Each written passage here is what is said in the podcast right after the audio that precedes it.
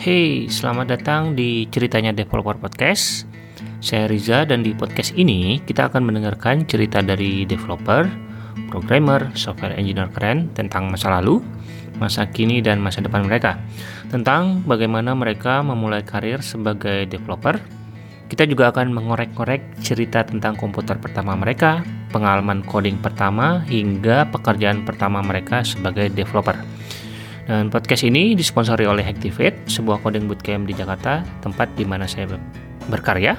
Terima kasih banyak Activate karena sudah memberikan keleluasaan waktu, tempat, dan beberapa device yang bisa saya pinjam untuk keperluan podcast ini. Oh ya, sebelum mendengarkan uh, ceritanya Sofian, saya mau kasih tambahan informasi dulu. Pertama, episode ini sangat-sangat spesial, terutama buat saya. Kenapa? Karena saya memutuskan untuk membuat podcast ini juga berkat hasil dari diskusi dengan Sofyan.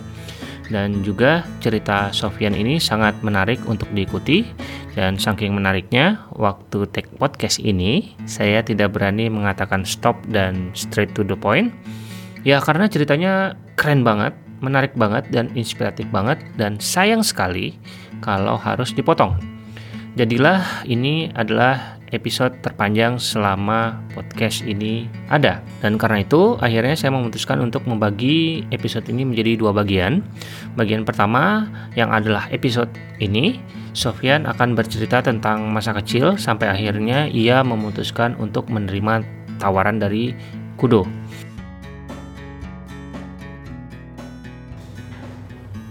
Dan di episode kali ini, uh, saya sudah bersama Sofyan Hadiwijaya CTO dan co-founder ya, co-founder dari startup namanya Warung Pintar. Interestnya di data, AI, robotik, uh, serverless dan masih banyak lagi. Sebagai informasi aja, uh, Bro Sofian inilah yang jadi salah satu alasan kenapa saya akhirnya bikin podcast ini. Jadi hmm. dulu pernah ngobrol ya, ngobrol bareng. Katanya developer lokal itu sebenarnya jago-jago tapi uh, exposure-nya kurang, kurang hmm. kurang ada panggungnya. Makanya uh, akhirnya saya memutuskan buat podcast ini sebagai panggung untuk developer lokal supaya bisa lebih dikenal. Terima kasih ya udah mau di interview. Uh, sekarang saya lagi uh, live di Warung Pintar di kantor Warung Pintar. Gimana kabarnya? Alhamdulillah luar biasa. Luar biasa capek. Luar biasa. Habis meeting tadi. Habis meeting ya. Iya. Oke. okay. Tadi kan uh, udah cerita sedikit tentang uh, latar belakang Sofian nih. Uh, boleh dilanjut nggak cerita-cerita menarik tentang Sofian, terutama buat orang-orang yang belum kenal sosok Sofian Hadiwijaya itu seperti apa sih? Ya, mungkin dari ini kali. Gue lahir di kampung kecil uh, di Palembang. Mm -hmm. Nama kampungnya itu Tanjung Raja. Oke. Okay. Ya, itu sekitar 80 kiloan lah dari uh, kota Palembang gitu ya. Mm. Uh, di gue besar dari pokoknya dari kecil sampai gede gue di Palembang. Uh, kuliah baru di Jakarta. Uh, kuliahnya teknik industri teknik industri tapi sekarang terjun di dunia IT hmm. jadi singkat kata itulah yang terjadi selama ini gitu. oke okay. nah kalau apa ya ngomongin dunia tadi kan ini uh, coding gitu ya yeah. ya sebenarnya ketertarikan akan mungkin gue tarik ke lebih awal lagi gitu ya. Hmm. sebenarnya tertarik pertama tuh bukan coding sih sebenarnya. Bukan coding jadi uh, waktu kecil tuh sebenarnya lebih ke kayak apa ya? Kan gue suka main Nintendo kan. Ya yeah, game. dari zaman gue TK tuh gue main Nintendo gitu loh. Oke. Okay. ya terus kayak gue punya cita-cita buat uh, bikin game lah ceritanya. Hmm. ya, kayak uh, ini gimana sih? Kok ada CPU CPU-nya hmm. bisa bergerak sendiri gitu loh kayak ini gimana ya? Kok kayaknya asik gitu loh. Nah terus mulailah nanya ke ke ke bokap gitu kayak wah ini uh, eh, gue kalau mau uh, apa namanya? Bikin game gimana gitu ya. Terus kayak gue beranjak gede uh, mulai sering nonton uh, ter apa ya kayak ngelihat di TV tuh kayak banyak robot. Hmm. ya, berubah lagi kayak wah gue pengen bikin robot pengen bikin robot. ya, kayak, terus nanya lagi sama bokap uh, eh, gue kalau mau bikin robot gimana ya gitu. Nah, bokap gue mungkin bingung gitu. Jadi kayak ini anak maunya apa ya ya nah sampailah di saat uh, karena gue suka main game gitu ya. Sampai di saat waktu itu gue kelas uh, 6 SD lah. 6 SD baru masuk ke 6 SD uh, lagi rame-ramenya tentang PlayStation. Hmm, itu tahun berapa? Kelas 6 SD-nya? Wow. SMP, SMP, SMP. Eh, enggak, kelas 6 SD ya. SMP itu 2004 gue SMA, nanti 2001 2001. 2000 2000-an ya. Jadi setelah Krismon lah ya. Setelah Ya, Krismon, setelah Krismon, rame eh, PlayStation. PlayStation. Hmm. Jadi nah eh, menariknya waktu kan gue sering nginep di rumah teman gue buat main PS karena Oke. gue nggak ada PS kan. Ya. Gue nginep di rumah teman gue buat main PS kalau Sabtu Minggu gitu ya.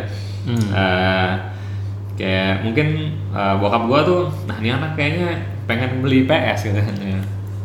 Nah pengen beli PS. Nah ternyata di situ eh, dia menemukan eh, s- apa ya kayak benda lain Oke. Eh, ketimbang si PlayStation tadi. Namanya komputer. Komputer Ya, yang namanya- bisa yang main bisa PS. Main PS ya. Tapi dulu bokap gua nggak bilang gitu sih. Jadi kayak ini ada komputer nih, kayaknya eh, seru gitu. Kayak, eh, ternyata bokap gue ini super suportif ya. Jadi kayak karena dia nggak ngerti, eh, dia akhirnya kayak eh, berlangganan majalah komputer waktu itu. Hmm. Ya, ber- berlangganan majalah komputer. Terus kayak gue baca kayak, wah ternyata di komputer itu gue bisa eh, apa menginstal emulator PS. Oh, Oke. Eh, Nah dari situ mulailah beli stick PS Hmm. Yang dicolok ke printer zaman dulu. printer. Jadi bukan USB ya. Belum USB ya? Iya. Belum zaman USB ya Belum, ya? belum. Colokannya ke printer itu ingat Printer. banget ya. Ke printer. Nah kerjaan gua tiap hari main PS jadi ya. ya. Oke. Ya tiap hari main PS tapi karena gue sering baca buku majalah komputer gitu ya. Nah di situ ya ada lah mulai yang namanya programming. Hmm. Terus kayak gue menemukan impian waktu kecil gue salah satunya kan bikin, eh, Bikin game. gitu ya bikin game jadi kayak eh, udah mulai terus kayak oh langkah selanjutnya apa ya Eh, langkah selanjutnya jadi gue beli buku namanya algoritma sebenarnya Hmm. nah algoritma tuh kayak belajar tentang pseudocode Oke. ya jadi kayak gue ingat banget tuh part di oh, untuk untuk membuat coding kan harus eh, bikin pseudocode kan Ya. Nah, yang diajarin di, di buku itu tuh kayak eh, tata cara buat memasak. Oh. Ya, dia bilang kalau mau ngoding itu sama kayak kita mau Kayak memasak. Terus kayak dia bilang juga kayak sebenarnya algoritma itu sesuatu yang eh, sering kita jalanin gitu. atau sesuatu yang udah terjadi di kehidupan Kehidupan sehari-hari. kehidupan sehari-hari kita. Contoh waktu misalnya kayak kita berjalan itu ada yang namanya eh, perulangan atau looping gitu kan. Hmm. Dan pasti di kehidupan kita juga pasti ada yang namanya selection tadi si if tadi Hmm. kan. Eh, nah jadi dari situ kayak makin tertarik nih sama eh, apa dunia eh, komputer.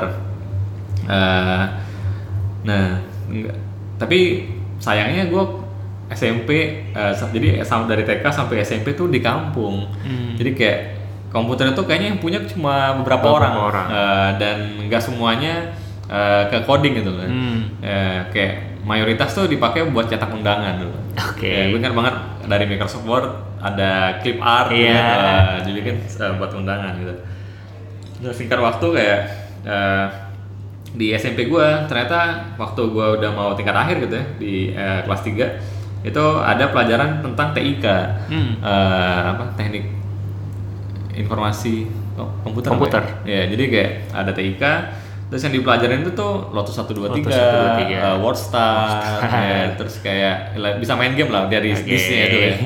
Nah, jadi kayak nah eh, karena gue punya komputer jadi kayak eh, apa gue bisa nyobain lebih sering gitu loh dan akhirnya kayak dulu si guru gue bilang ya udah lu bikinin soal. Ya gue yang gue yang bikinin soal buat eh, WordStar sama Lotus 123 Hmm. gitu. Ya sekarang mungkin WordStar jadi Microsoft Word ya Lotus 123 Excel kali ya. Ya. ya itu yang yang mirip kali ya. Nah eh, dari situ kayak eh, masuklah gue ke eh, SMA yang bagus. Sebenarnya sebelum gue masuk SMA tuh kayak gue nanya bokap gue sih kayak gue tetap nanya yang hal yang sama. Gimana sih gue pengen bikin game eh, atau gue mau buat robot? Oh dia bilang lu kalau mau ke sana lu harus kuliah di ITB Hmm. ITB. Nah untuk masuk eh, untuk kuliah di ITB, lu harus masuk sekolah unggulan di Palembang. Nah makanya gue memberanikan diri buat keluar dari kampung gue. Jadi gue ber, ber SMA itu di kota. Jauh. Jauh. Jauh. Jadi gue asrama di sana. Asrama. Iya. Oke. Nah di sini itu menarik ya ada pelajaran komputer. Hmm. Ya ini beneran coding. Waktu Coding. itu belajarnya eh, Pascal. Pascal. Ya, Pascal kayak, tapi kayak mungkin apa ya, ekspektasi gue terlalu gede kali. Hmm. Gue mau bikin game gitu kan. Nah, tiba-tiba di kelas tuh diajarin tentang bikin kalkulator gitu. Kayak ini ngapain sih gue bikin kalkulator? Terus kayak mencetak bintang. Aduh ini kalau tiga nanti keluarnya gimana? Ya jadi kayak ini ngapain ya? Gue tuh mau bikin game gitu. Gimana caranya? Jadi kayak eh, nah mungkin dari situ apa ya eh, gue kayak ngeremehin jadinya nggak bisa gue ya, pokoknya nilai gue paling jelek lah Paling jelek. Iya, paling di jelek. matem- eh, di ma- pelajaran komputer itu. Iya, jadi dua mata dua mata pelajaran gue yang paling jelek bahasa Inggris dan komputer Oke. Ya, nah jadi eh, dua hal ini gue selalu remedial. Hmm. Nah saking nggak bisanya ujian, akhirnya gue disuruh "Nu- ya udah lu bikin karya tulis aja lah. Oke. Ya, soalnya kayaknya bebal banget gue gak ngerti kayak bahasa Inggris tuh gimana ya terus kayak komputer itu gimana gitu. Kok ada ya ada yang namanya kayak eh, apa namanya eh, variabel terus apa gitu kan gue nggak pernah kan. Iya. Dulu kan gue belajarnya pseudocode kan, jadi kayak eh, ya mungkin ngerancang pseudocode-nya gue bisa. Oh, tapi, menerjemahkan itu ke dalam coding itu bingung nggak bisa. Oke. Iya, nah dari situ kayak eh gue apa ya kayak mengupus lah kayak wah kayaknya gue nggak bakal bisa bikin game atau bikin robot. Ya udah gue gue coba mencari eh, apa namanya yang gue suka. Ya di SMA gue lebih senang sama fisika sebenarnya. Fisika. Ya di fisika. Jadi kayak gue sampai ikut dulu kan ada kayak UKM tuh apa ya? Eskul kalau di sekolah ya. Hmm. Ya, ekskul terus dua gue ikut dua satu eh, roh rohis jadi keagamaan gitu terus yang kedua gue ikut tentang kayak dulu ada kumpulan namanya IPO eh, International Physics Olympiad Hmm. jadi kayak anaknya anak-anak yang dipersiapkan buat ikutan lomba Olimpiade, Ya, matematika gitu-gitu Iya, ya. Olimpiade nah kebetulan IPO itu yang fisikanya Fisikanya. Ya, jadi kayak setiap di apa di sela-sela kita belajar yang biasa kita ngerjain soal terus kayak kita pernah bikin eh, apa eh nyebarin pupuk pakai pesawat terbang. Oh, ya? Eh, Wow. Padahal pesawat terbangnya nggak kita bikin sendiri sih. Hmm. Ini kebetulan ada teman gua yang punya pesawat terbang mainan pesawat terbang nganggur, terus kita cuma bikinin kayak kapan dia harus buka Hmm. eh, pantatnya itu biar keluar pupuknya. Itu Udah IoT ya? mainan hardware lah. Iya, ya. hardware. Ada rumus fisikanya bro. Iya. ya. Kayak ketika apa ketapelnya si Angry Bird ditarik kan itu rumus Iya, fisika kan gravitasi. Ya, nah itu sih kayak. Nah jadi dari situ tuh kayak, wah gue kayaknya nggak mungkin deh komputer deh. Hmm. Ya jadi kayak eh, apa namanya? eh nah pas kuliah, nah maka dari itu gue tidak memilih jurusan komputer sama Komputer. sekali. Ambilnya Ya, yang ngambilnya teknik industri. Teknik industri. Tapi sebelum itu sebenarnya gue ikut tes di ITB. Hmm. Eh, ngambilnya teknik fisika Dan lulus. dan lulus. Ya. Tapi bokap gue bilang ntar jadi guru katanya. Oh gitu. Ya akhirnya kayak mundur sejenak kayak bingung terus dapat kabar dari beberapa apa namanya beberapa sepupu lah eh, sama om gitu ya. Oh kuliah di binus aja bagus katanya. Ya gue juga gak ngerti sih. Akhirnya kuliah lah gue di binus Di BINUS. jurusan teknik industri. Teknik industri. Tahun masuk Gua sebenarnya eh, 2006. 2006. Ya, 2006. Gua lulusnya kecepatan waktu SMA. Hmm. Kan gua 2004 masuk SMA, 2006 gua keluar dari SMA. Nah, di sinilah sebenarnya eh, apa namanya perjalanan dimulai Perjalanan dimulai. dimulai. Ya, jadi kayak gua satu kosan itu sama eh, orang anak-anak jurusan teknik informatika Oke. di Binus. Aha. Jadi kayak mulailah kayak ngelihat wah ini mereka uh, belajar bahasa asing lah terus kayak gue ikutan Sorry, di, eh, di kuliah di teknik industri sendiri nggak dipelajari eh, programming sama sekali atau ada? gue lupa lupa ingat sih harusnya ada sih harusnya Ada ya? iya kayak tapi kayaknya dasar karena Dasar. kan kita juga ada kayak mengaplikasikan AutoCAD atau Hmm. apa gitu kayaknya sebelumnya ada deh Kayaknya ada Iya, ya. hmm, karena Oke. gue orang yang nggak terlalu rajin kuliah sih jadi nggak tahu juga gitu jadi kayak nah lanjut yang tadi kayak karena gue dikelilingin sama anak-anak Anak IT, IT, gitu ya aha. Eh, kayak ya udah gue ikutan nyobain lah terus kayak kita kan main Dota bareng gitu Hmm. ya kadang-kadang ngeliat mereka kok kayak nggak main nggak mau main ya gitu ya bilang kenapa nggak mau main ya kita lagi ada tugas ya gue ikutan gitu kayak ayo cepetan oh udah udah selesai nih ya udah kita main, main. Ya, jadi kita main Dota bareng eh, terus kayak akhirnya makin lama makin kok kayaknya asik ya eh, ngoding ini ya. Ngoding.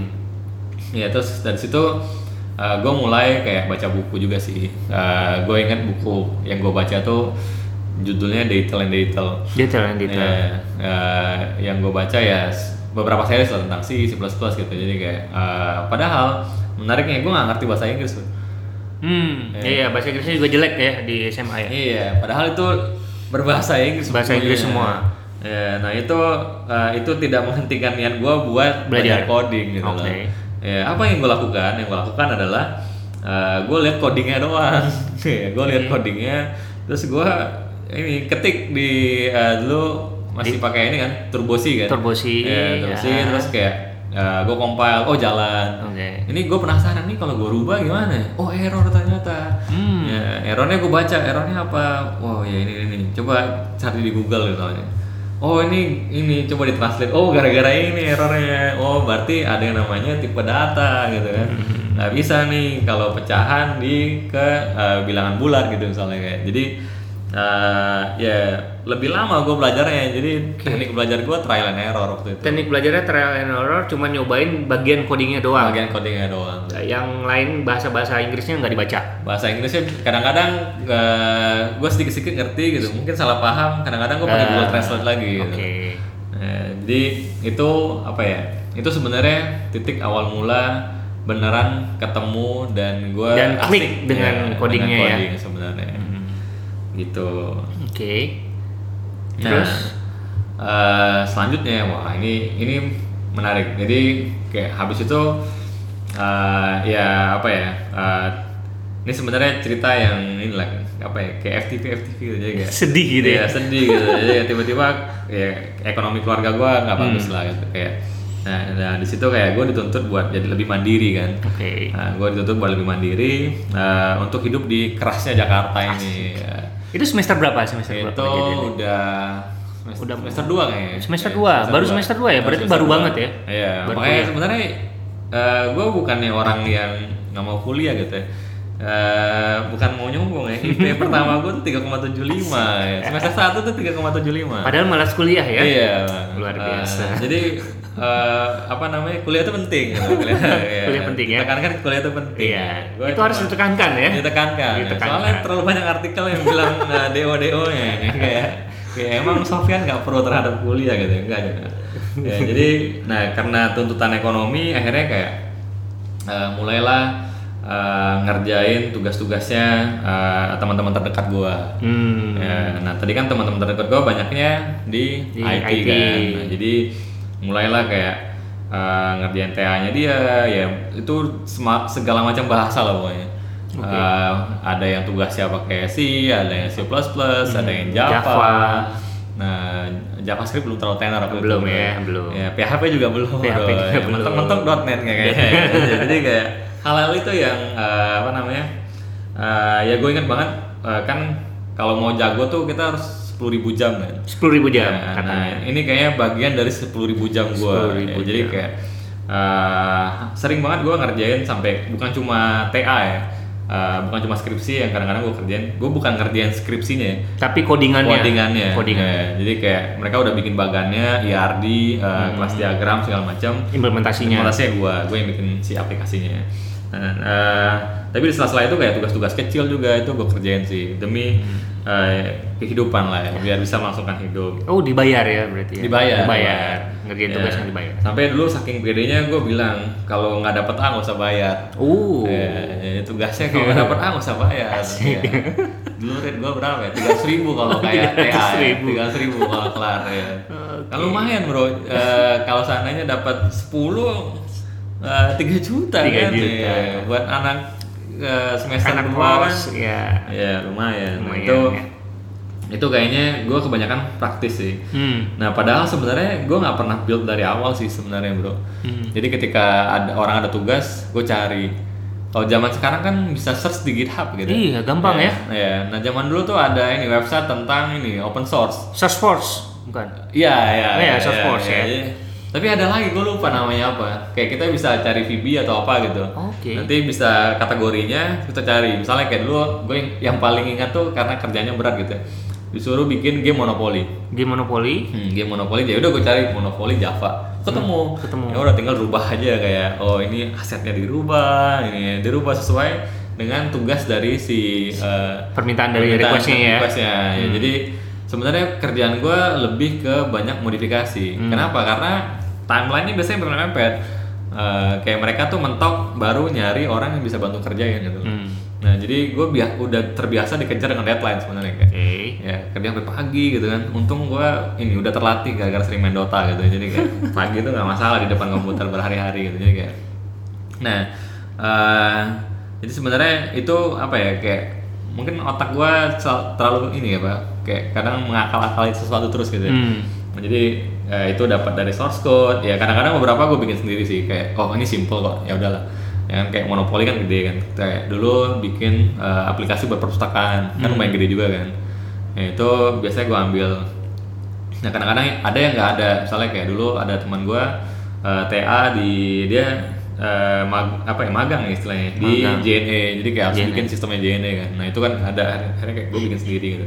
Nah eh, kayak nah waktu itu apa ya kayak gue ngerasa tadi kan gue cuma ngambil source code orang terus gue modif modif modif gitu kan kayak wah kayaknya skill gue kurang deh gitu gue pengen menambah skill gue lagi gitu kan ya nah nambah skill ini eh eh, apa namanya gue mau coba kursus di Binu Center dulu namanya Oke. Nah di Bino Center ini eh, sebelum kursus gue nggak sengaja ketemu teman gue.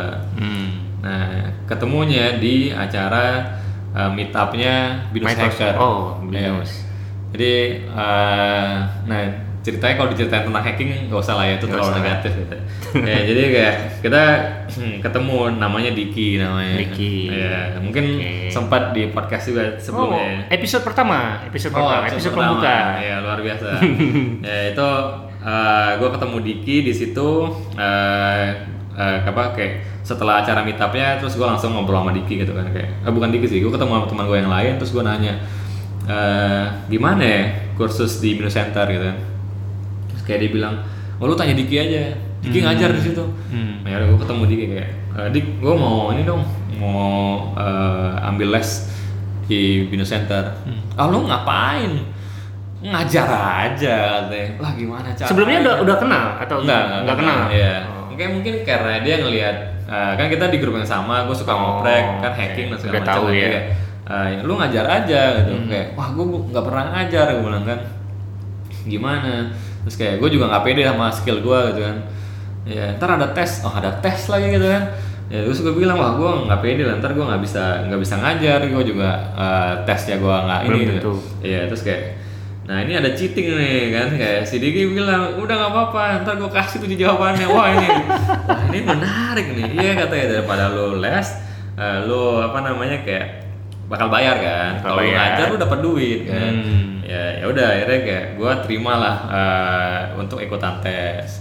Nah di situ gue yang dulu penampilannya gondrong acak-acakan. Wah gue rapi. Rapi. ya rambut gue udah panjang banget gue potong Oke. gitu kan. Nah gue nggak ada kemeja minjem nggak ada celana bahan minjem nggak ada sepatu pantopel gitu kan yang rapi itu juga Nah, minjem oke. jadi yang gue sendiri ya cuma kaos dalam sama celana dalam ya nah datanglah gue ke interview waktu itu ke interview beneran dikasih tuh eh, dikasih, Dikasih tes. tes. nah waktu tes ya elah ya gue udah tahu semua ya Tesnya apa? Eh, tes Nah, coding, nggak coding, tahu tes Kayak- coding ya. Iya, kayak yang sampai sekarang kayak sering nongol ya, kayak polindrom, terus kayak Ah. eh, hal-hal kayak gitulah yang Ah, sering Fishbash Iya, gitu-gitu ya. nah, jadi kayak eh, apa namanya? Either Fibonacci lah Hmm. atau kayak lo disuruh bilang prima gitu. Iya, gitu. iya, iya, iya. Nah, jadi kayak nah setelah itu kayak eh, kayak berapa ya setengah jam apa 15 menit gue udah keluar gitu ya, sampai ditanya sama yang ngetes ya kayak "Eh, kamu yakin yakin bu woi yakin kan terus kayak ya udah gue pulang terus dikabarin wah Sofian selamat ya tesnya sempurna kan sempurna. belum tahu dia Nyontek. oh iya belum tahu dia kalau nyontek gitu Wih, kayak, eh, terus kayak ya mulailah gue eh, Ngajar. ngajar tapi sebenarnya bukan langsung ngajar sih gue jadi asisten dulu sebenarnya. Asisten dulu. ya nah gue jadi asisten temen apa instruktur yang udah ada namanya Amran Hmm. ya gue jadi asistennya dia sampai suatu saat dan gue waktu itu bukan ngajar langsung ini sih eh, apa eh, ya bukan bahasa sekarang ya lebih ke .net sih dulu .net. ya nah tiba-tiba si Amran ini nggak bisa masuk bro Hmm. nggak bisa masuk kemudian ada gue langsung suruh ngajar kan ya udah. itu hari keberapa tuh? itu hari ketiga Hari ketiga? hari ketiga ya jadi kayak gue udah lihat dia ngajar gimana akhirnya gue yang ngajar kan nah enaknya udah ada modulnya kan jadi kita tinggal ngelanjutin aja kan kalau di Windows Center kan kayak mulai ngajar gitu kayak eh, kadang-kadang ada yang nanya "Oh, ini error nah error gimana terus gue lihat karena udah kebiasaan ngoprek ya ngoprek Harus dicobain. Eh, ya ngoprek kayak bahkan gue nggak nyobain pun gue tahu errornya di mana Oh gitu. Ya, ini kayak gara-garanya deh, uh, tikoma. Oh, iya. oh iya bener pak. Ini kayaknya salah nama variabel. ya, ya, jadi kayak uh, itulah. Terus kan gue orang baru gitu dan gue nggak terlalu jago. Jadi kayak dulu gue mesti hati itu. Kan gimana caranya ketika murid lo nanya, uh, lu Bisa bisa, jawab. jawab. Ya. Nah di Binus Center tuh biasanya kita tuh udah dapet uh, komputer gitu Komputer, sih aha. dari dari apa dari dari dari Binus Centernya. Iya. Nah gue bawa laptop waktu itu. Hmm. Nah, buat apa bro laptopnya bro? Kenapa? Buat apa kira-kira laptopnya? Hmm, nggak tahu buat apa. laptopnya gue pakai buat kalau ada orang nanya gue searching di Google. ya jadi kayak Oke. eh, wah, untuk murid-murid gue yang mendengarkan podcast ini Maafkan. eh, maafkan ya Anda tertipu. anda tertipu ya jadi kayak eh, misalnya kayak eh, Pak eh, kita kalau mau bikin gini gimana ya Oh ya bentar, saya cobain dulu. Cobain padahal bikin. Googling. Uh, record set, bla bla bla, uh, VB.net, terus wah gini, Cet. oh bisa. Oh gini caranya, gampang aja. Oh, jadi tes tuh bisa kan? Bisa. Ya. Terus kayak apa ya? Nah hal ini yang menarik sih, uh, apa namanya? Uh, gue nggak tahu sih ini apakah cara yang benar apa enggak sih. Jadi kayak kebanyakan gue orang yang trial and error. Iya. Nah, tapi karena dari situ gue penasaran sama fundamentalnya. Jadi kayak, nah dari situ tuh kadang-kadang ada pertemuan lah bareng si Master Diki tadi. Hmm. Nah, Master Diki kan super fundamental gitu ya. Hmm. Dia gue ingat banget kalau jelasin ke gue dari teori Maxwell. Oh, Wih. gila. Dari elektronya gimana, prosesor bekerja gimana, memori bekerja gimana, Yeah. assembly itu seperti apa sih? gitu. Eh. ya bahkan bahas RISC, CISC, wah buset. Wah, pokoknya eh, mungkin kalau denger Diki kemarin udah luar biasa sih. Ya. Iya. Nah, jadi situ kayak eh, ya gue fundamental juga harus dikuatin kan. Harus dikuatin. Nah, jadi kebiasaan sampai sekarang sebenarnya. Nah, jadi itu uh, perjalanan gue di di Binus Center lah. Terus kayak balik lagi tadi sebenarnya gue ada masalah di ekonomi. Mhm. Uh, gue iseng aja nanya ke apa namanya pihak akademis lah. Uh, gimana caranya biar dapat uh, uang lebih banyak gitu kan? Eh, terus kayak dia bercanda gitu kayak ya udah lu ngajar aja semua. Lebih banyak. Semua iya lebih banyak. Uh, baik itu jamnya ya kan nggak mungkin semua orang belajar VB doang kan ya lu harus bisa yang Materi. lain gitu atau kayak eh, nggak mungkin orang cuma sharp doang kan lo harus ngajar yang lain nah kebetulan di sana ada C C++ eh, Java terus kayak ada web programming juga waktu itu ada PHP. PHP sama HTML terus ada SQL Server juga MS SQL Servernya si Hmm, Microsoft. Microsoft. terus ada yang ngajarin tentang jaringan juga Oke. Eh, ada yang tentang apa eh, Microsoft eh, Server juga Eh, jadi kayak nah akhirnya kayak oh ya udah gue mau Ngajar semua tuh. ngajar semua pokoknya. Wah. Pokoknya apa siapa aja yang ini gue ajarin dah pokoknya ya. Udah akhirnya kayak oh yakin yakin. Nah, nah sebenarnya gue cuma pintar sebentar keti eh, pintar paling berapa jam ketimbang murid gue gitu. Eh, sekali lagi untuk murid-murid gue eh, minta maaf ya. ya jadi kayak eh, misalnya kayak oh ngajar tentang jaringan ya udah kayak soft classnya minggu depan buka ya ya udah gue Ya, belajar. dulu. ya kayak sebelum ngajar gue ulangin lagi eh, materi yang gue pelajari apa sih gitu nah tekniknya sama kayak tadi kalau ada orang Hmm. nanya ya gue udah siap laptop buat googling gitu jadi kayak eh, nah di situ mungkin apa ya semakin kaya dan semakin cepat sih gue Semakin cepat. nah di sinilah gue terlena terlena akhirnya kuliah gue terbengkalai Terbengkalai. nah ini sekalian klarifikasi ya Iya. gue DO itu bukan yang malas kuliah gitu. ya, ya walaupun kadang-kadang sering main Dota juga tapi Iya. kayak di sisi lain tuh kayak eh, ya gue asik dengan eh, Dunia sendiri dunia ya. sendiri dengan kesibukan gue yang sebenarnya positif kan ngajar Iya, kan iya. Ya, dan Dan menghasilkan duit juga. betul dan ternyata ngajar ini eh, lebih cepat akhirnya Belajarnya Eh, jadi lebih cepat gara-gara ya, ngajar. ngajar Oke. ya. nah makanya dari situ sampai sekarang mungkin kalian masih ngelihat gue sering sharing dan Hmm. segala macam karena menurut gue ya semakin lo eh, kan kalau sendirian tuh kayak eh, lo mungkin mengerti gitu. Tapi ketika lo share ke orang lain kayak eh, kadang-kadang orang ada yang nanya kan. Iya. ya nah itu bakal jadi makin kaya ilmu lo gitu nah, makanya sampai sekarang ya eh, kerjaan gue apa yang gue dapat gue bagi. Kalau eh, lagi sempet nulis gue nulis. Hmm. Kalau dan uh, semua slide yang gue bikin tuh ada di slide share. Hmm. Ya, dan beberapa kadang-kadang gue bikin di GitHub gue juga uh, kayak misalnya gue lagi ngajar apa gitu. Nah semuanya ada di GitHub Hmm. Semua ada sebenarnya. Jadi sharing ya. Di sharing lah. Uh, dan ya inilah yang mempercepat gue sebenarnya. Uh, ini awal mula di mana uh, gue tadi kayak mengenal terus memperkaya. Nah selanjutnya ya uh, lebih ke bisnis side aja sih sebenarnya. Ke bisnis saya. Ya, gue kerja di kayak di Holcim, terus gue tahu tentang bisnisnya, terus gue bikin aplikasi di situ, terus kayak gue kerja di tambang batu bara, Oke. balik lagi kayak karena gue ngerti ngoding, akhirnya gue bikin tools juga, Eh, terus gue sempat kerja di saling silang sebagai engineer juga. Eh, ini serunya adalah eh, ini kayaknya eh, apa ya pencetus orang-orang yang bikin kayak sentimen analisis dari Ya. Twitter gitu. Jadi kayak pada zaman itu kayak nggak ada. Belum ada. Ya, Hmm, tahu. belum ada. Ya, nah itu uh, gue sana juga.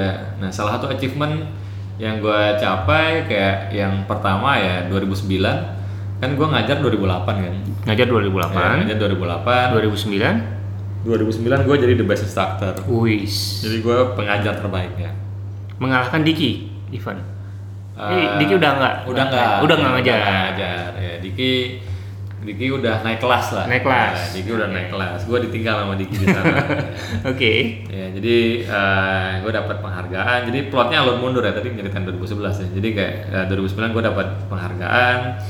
Terus kayak eh, 2012 gue ikut eh, hackathon. Hmm. Ya, ini kayaknya hackathon yang lumayan gede di zamannya sih. Di zamannya. Ya, BlackBerry hackathon. Oh, Ya, oke. Jadi saat itu BlackBerry lagi mau launching BlackBerry Z kan. Mm-mm. Ya kita ikutan hackathon dan menurut gua hackathonnya masih murni sih. Kenapa? Karena kayak hackathon zaman now kan kayak semuanya udah jadi kadang-kadang kan. Iya. Nah tim kita dulu itu tuh gua jarang banget ketemu sama orangnya. Hmm. Dulu itu karena jadi ada satu perusahaan namanya Inspira. Nah Inspira ini tuh kayak software house company gitu loh. Nah gua kadang-kadang tuh ngambil project dari mereka, ngertiin projectnya mereka segala macam. Dan kita nggak yang setiap hari ngantor, Hmm. ya dan nggak setiap hari ketemu juga. Iya. Nah tiba-tiba waktu ada hackathon uh, hackathon si BlackBerry ini uh, dia ngajakin gua, "Sof, mau ikutan nggak?" Nah, jadi ikutan terus sampai di tempat itu bingung mau bikin apa? Kita mau bikin apa ya? Belum ada ide sama sekali Iya, masih blank. kayak, oh yaudah kita bikin. Nah, di situ gua uh, ketemu dengan beberapa tools. Oke. Kayak dulu ada uh, PHP Fuel namanya. Hmm. Nah, itu kita cukup bikin kayak uh, apa skemanya terus CRUD udah jadi. Hmm. Nah, ini kan kayak oh ini cheating-cheating yang bisa dilakukan di hackathon gitu loh. Oh, model-model kayak Rails gitu ya, Iya. generate-generate gitu ya. Iya, Oke. jadi tapi di PHP gitu. PHP. Habis itu tinggal dimodif-modif-modif Ya, terus uh, jadi- ada apa ya ada REST API terus uh, bikinlah si front end-nya pakai web gitu. Pakai web. Ya, jadi uh, jadi kayak lebih cepat ternyata. Hmm. Ya, nah ini uh, karena kayak salah satu engineer-nya itu uh, dia kerja di Singapura jadi kayak Oke. oh, ini Lebih tahu juga lah ya. iya jadi kayak mempercepat. Nah akhirnya si Fuel ini sering gue pakai di beberapa project gue Oke. yang mepet-mepet gitu. Hmm. Ya kayak Rails sih. Sekarang Rails. orang kenalnya Laravel. Laravel ya model Iya. kayak gitu ya. Dulu Fuel kalau pengen nyari. Oke. Nah jadi dan nggak sengaja ternyata kita menang di Jakarta. Nah. Ya, dan kita pakai HTML5 waktu itu. Hmm.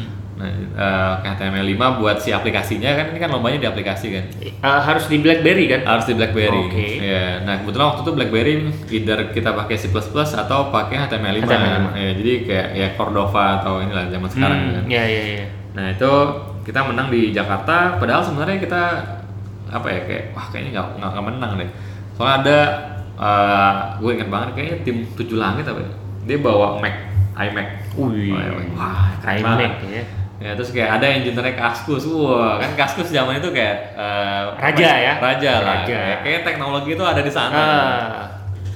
Ya terus kayak wah kita nggak bakal menang. Ternyata kita yang menang. Terus kayak habis itu kan dilombain lagi di tingkat Asia. Hmm. Di tingkat Asia itu di eh, Bangkok waktu itu. Oke. Nah di Bangkok kita dilombain sama ya ada India, ada ada ada Singapura. Terus kayak wah kayaknya nggak bakal menang juga tapi kita ikutan aja. Hmm. Nah untuk eh, aplikasi ini biar lebih bagus kita rewrite lah ke eh, C++.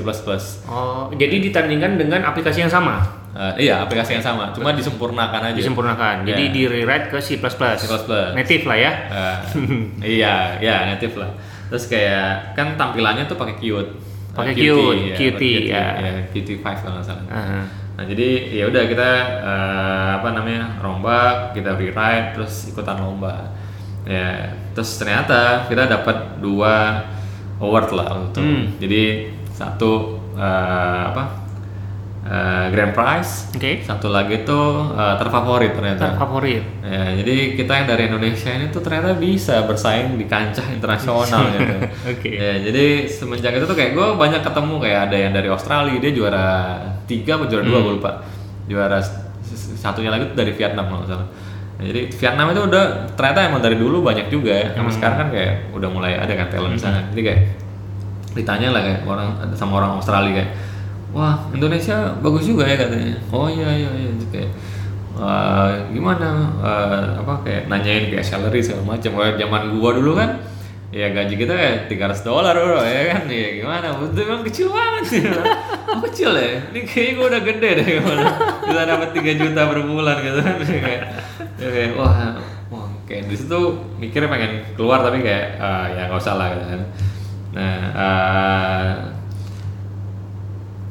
setelah lomba, akhirnya gue bikin perusahaan gue sendiri. Bikin sendiri. Ya, jadi eh, namanya Crazy Hackers. Crazy Hacker. Ya, nah di sini eh, awalnya kita sampai biasa, terus gue nemuin hal yang lebih seru. Hmm. Just, mungkin sekarang disebutnya maker lah. Maker. Ya, jadi mulai. Nah sebenarnya kenapa bisa ke sana? Itu waktu di Bangkok tadi itu ada kayak merchandise lah ya. Hmm. Nah isinya itu Arduino. Uh. Ya, jadi kayak waktu gue nyampe rumah, ini apa ya? Iya. Ya, searching lah ke internet kan. Wah, microcontroller ini, ini apa ya? Oh bisa ini kayak, oh gue beli, akhirnya beli LED segala macam. Bikin lah Hello World pertama gue di Arduino. Oke. Nyalain ini apa lampu LED. LED-nya. Jadi kayak nyobain, wah makin lama makin seru. Hmm. Terus kayak setelah explore explore, wah ada yang namanya maker gitu kan. Maker, akhirnya eh, kita mulai lah kayak ada 3D printer, terus kayak eh, karena company gue kan software house agency ya, dan ternyata waktu itu kayak banyak eh, digital agency yang udah apa mainan kayak BTL, eh, below the line gitu kayak yang ada ngadain event segala Hmm. macam gitu. Hmm. Nah jadi eh, ternyata butuh kayak interaktif eh, acara yang interaktif gitu, kayak mainan drone segala macam gitu kan, atau banyak lah banyak perks yang eh, yang yang yang kita bikin juga eh, dari IoT kayak misalnya eh, apa namanya untuk eh, bikin catwalk, terus bikin kayak hal-hal yang seru lah, mainan eh, Kinect, terus Hmm. kayak kayak gue bisa terbangin drone pakai Kinect gitu itu Kinect. itu menarik banget sih kayak apa ya itu kayak menurut gua another level lagi kayak tadi impian gua yang dulu kecil tuh udah Mau bikin mulai robot. eh, apa eh, semakin cerah gitu ya jadi kayak awalnya mau game ya ternyata gua ngerjain tugas orang buat bikin game monopoli Bikin. gitu kan kayak. terus kayak eh, robot wah ini kayaknya ada jalan juga nih kan Hmm. Eh, apa ngerjain hal-hal yang berbau microcontroller kan Hmm. mulai kita waktu itu gue beli eh, apa namanya eh, apa apa stepping eh, ada juga kayak motor segala macam gitu kan kayak eh, bikin gearnya gimana dia bisa bergerak gitu terus kayak kita ada beberapa alat-alat untuk mainan anak-anak bikin simple simple sih sebenarnya. Kayak kita kita bikin kayak mobil-mobilan itu dari sikat gigi bekas. Uh. jadi sikat gigi bekas kita potong terus taruh vibrator. Hmm. nah itu itu kalau nyala der itu dia jalan bro. Jadi kayak ulet gitu. Ya jadi kayak nah di situ tuh gue banyak mainan tentang hardware sih sebenarnya. Eh, sampai kayak di 2015 eh kayaknya 2014 akhir deh gue kenal dengan istilah IoT IoT, Ya, Internet jadi- of Things. Internet of Things itu lah. Jadi kayak sebenarnya kayak apa ya? Menarik banget. Gue selalu pindah-pindah. ya, kayak oh ada tentang Arduino terus kayak adalah IoT ini makhluk apa lagi gitu kan. Nah, terus kayak setelah gue baca-baca oh ternyata ada yang lebih seru lagi ketimbang Raspberry eh sorry, Arduino. Arduino. ternyata ada Raspberry namanya Raspberry. ya terus kayak oh gue nyobain Raspberry oh ternyata bisa dikonekkan ke internet gitu kan Hmm. Eh, karena dia sebenarnya eh, mini mini PC sebenarnya Mini di dalamnya Linux juga kan Iya. ya udah akhirnya kayak bikin lah eh, apa namanya mainan-mainan seru lah salah satunya eh, kita bikin Instagram printer Hmm. terus bikin kayak eh, mesin jelly bean yang kalau lo eh, check in eh, terus locationnya di dekat si dia si si, si jelly bean itu dia bakal ngeluarin permen Asik. dan 2015 itu uh, diajaklah sama First Man untuk uh, jadi Intel IoT inovator. Intel IoT. Nah dari situ ilmu gue makin kaya, jadi kayak kita dapat banyak update, Hmm. terus banyak dapat Dapat device juga. device juga, gitu. sampai eh, yang paling seru ini karena gue banyak mainan juga, eh, kadang-kadang bawain seminar segala Hmm. macam. Sampai di 2015 akhir tuh ada acaranya Google, Oke. Google Hack Fair kalau nggak salah. Mhm. Google Hack Fair itu gue dapat challenge dari uh, orang Google ya. Kayak bisa nggak lo terbangin drone pakai uh, smartwatch? Oke. kan dulu kan zamannya si Android Watch gitu kan. Hmm. ya, oh bisa. Kira-kira lo ada kendala apa? Wah kendalanya gue nggak ada smartwatch ya. Oh itu kita bisa sediain. Wah sampai sekarang gue pakai smartwatch. Ya. jadi kayak kan drone-nya gue ada kan ya udah nah di Google Hack Fair itu sebenarnya gue disuruh ngelakuin pertunjukan Hmm. buat terbangin drone pakai gyro dan accelerometernya. Oke. Ya, jadi kayak ya itulah kayak enak kan jadi orang IT kan kita dikasih device gitu buat nyobain terus kadang-kadang kayak ya dulu kan yang BlackBerry hackathon itu kayak Dapat BlackBerry eh, juga? dapat BlackBerry juga gue banyak lah device gue masih di di, di Hmm. rumah tentang BlackBerry terus terus kayak eh, yang waktu kita menang itu hadiahnya lumayan terus kayak eh, kita diundang ke New York juga eh, buat apa ya launching BlackBerry, BlackBerry. eh, 10 waktu itu. Eh, BlackBerry Z10 gitu. Ya menurut gue itu cerita-cerita yang eh, menarik gitu ya. Nah sampai akhirnya eh, usaha gue bangkrut si Crackers ini. Crackers. harus eh, apa namanya gue harus nyari jalan lain dan gue tertarik dengan istilah startup waktu itu. Hmm. jadi kayak ini startup apa ya? gitu startup IoT kayak susah kayak ya udah yang, yang lain aja. Terus kayak eh, mulailah eh, apa ya apply apply lah. Kayak eh, waktu itu eh, apa namanya gue nggak diterima sih susah kayak apply. Nah tapi kayak di pertengahan tahun eh, itu gue nggak sengaja ketemu teman SMA lama gue namanya Irfan Putra. Hmm. kebetulan dia kerja di Traveloka. Oke. waktu itu ada project bikin hackathon merdeka Hmm. bareng sama Mas Ainun juga kan Hmm. Nah, eh, di situlah kayak gue ikutan berkontribusi lah. Eh, kayak apa sih yang bisa gue bantu ya, dalam acaranya karena kayak eh, kan sebelum-sebelumnya gue sering ikutan hackathon kan. Iya. Nah, gue kayak ya Saf, lu kan udah biasa ikutan hackathon. Coba dong eh, bantu kita kayak eh, biasanya apa aja sih yang terjadi terus kayak eh, mekanismenya gimana sih Jadi Atau- organizer berarti? Iya, jadi organizer kayak uh, penilaiannya gimana, Hmm. ngaturnya gimana, segala macam gitu. Nah, uh, nah, ternyata ini membuahkan hasil yang sangat positif gitu loh. Uh, ternyata di salah satu uh, core timnya jadi kayak uh, core formation kan jadi yang yang yang bikin hackathon uh, yang jadi organisernya si hackathon merdeka kan si core formation namanya kan. Nah, isi di dalam core formation itu ada yang namanya Wilson Cuaca. Wilson Ya, Cuaca. Wilson Cuaca itu managing directornya East Ventures. East Ventures. Terus kayak Traveloka, Tokopedia itu diinvest sama uh, East Ventures gitu kan waktu seed fundingnya kan. Ya. Nah eh, setelah acara itu ternyata banyak impactnya gitu. Hmm. Nah, impactnya kayak gue waktu itu ditanya lu kerja di mana? Oh gue lagi nggak kerja. Gitu. Oh ya udah ntar gue kenalin sama portfolio kan. Ya dikenalin lah. eh, sebenarnya bukan Wilson ya sih. Dulu gue kenal sama ada yang namanya Dewi. Nah si Dewi ini tuh yang nyebarin nama gue ke semua, Semua portfolio. portfolionya EV. EV. Akhirnya gue dipanggil sama Kudo, Kudo. sama uh, Atscom dan beberapa company lainnya. Ya gue orangnya uh, mungkin ada banyak engineer sekarang yang kayak uh, nunggu offer dari satu, terus nunggu lagi offer dari dua, offernya dibandingin gitu. Oke. Ya kayak, oh si A ngasih sekian kok, Nah. si B ngasih sekian kok gitu. Nah gue uh, nggak gitu sih, gue uh, waktu itu gue bilang ya udah kalian ini aja kayak uh, kira-kira gue dihargain berapa gitu.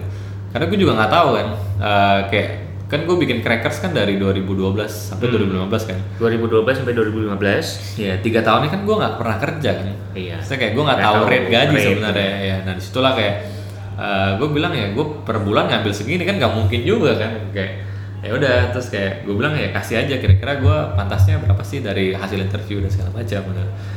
Nah waktu itu kebetulan eh, Kudo ngasih jawaban lebih cepat. Hmm. Oke. Kudo ngasih jawaban lebih cepat dan menurut gua Kudo itu juga ada di uh, level yang lagi berkembang startupnya. Mungkin gue bisa banyak belajar hal baru juga. Oke. dan bisnisnya menarik kan O2O kan. Ya, jadi kayak uh, beda sama yang lain lah. Oke, itu dulu untuk bagian pertama dari ceritanya Sofyan. Di episode berikutnya kita akan mendengarkan lanjutan cerita dari Sofyan. Dari mulai ia memutuskan join ke Kudo hingga sekarang menjadi CTO dan co-founder startup Warung Pintar. Kritik dan saran atau sekedar hai, silahkan email ke rizafahmi@gmail.com atau DM di Twitter @rizafahmi22. Yang belum subscribe, monggo di subscribe supaya podcast ini semakin banyak pendengarnya dan semakin luas cakupannya. Kalian bisa dengarkan dan subscribe di Apple Podcast, eh, Poc- Pocket Cast, Anchor FM, Google Podcast, ataupun podcast klien lainnya. Atau bisa juga subscribe di ceritanya developer.com. Sampai jumpa di episode berikutnya. Bye.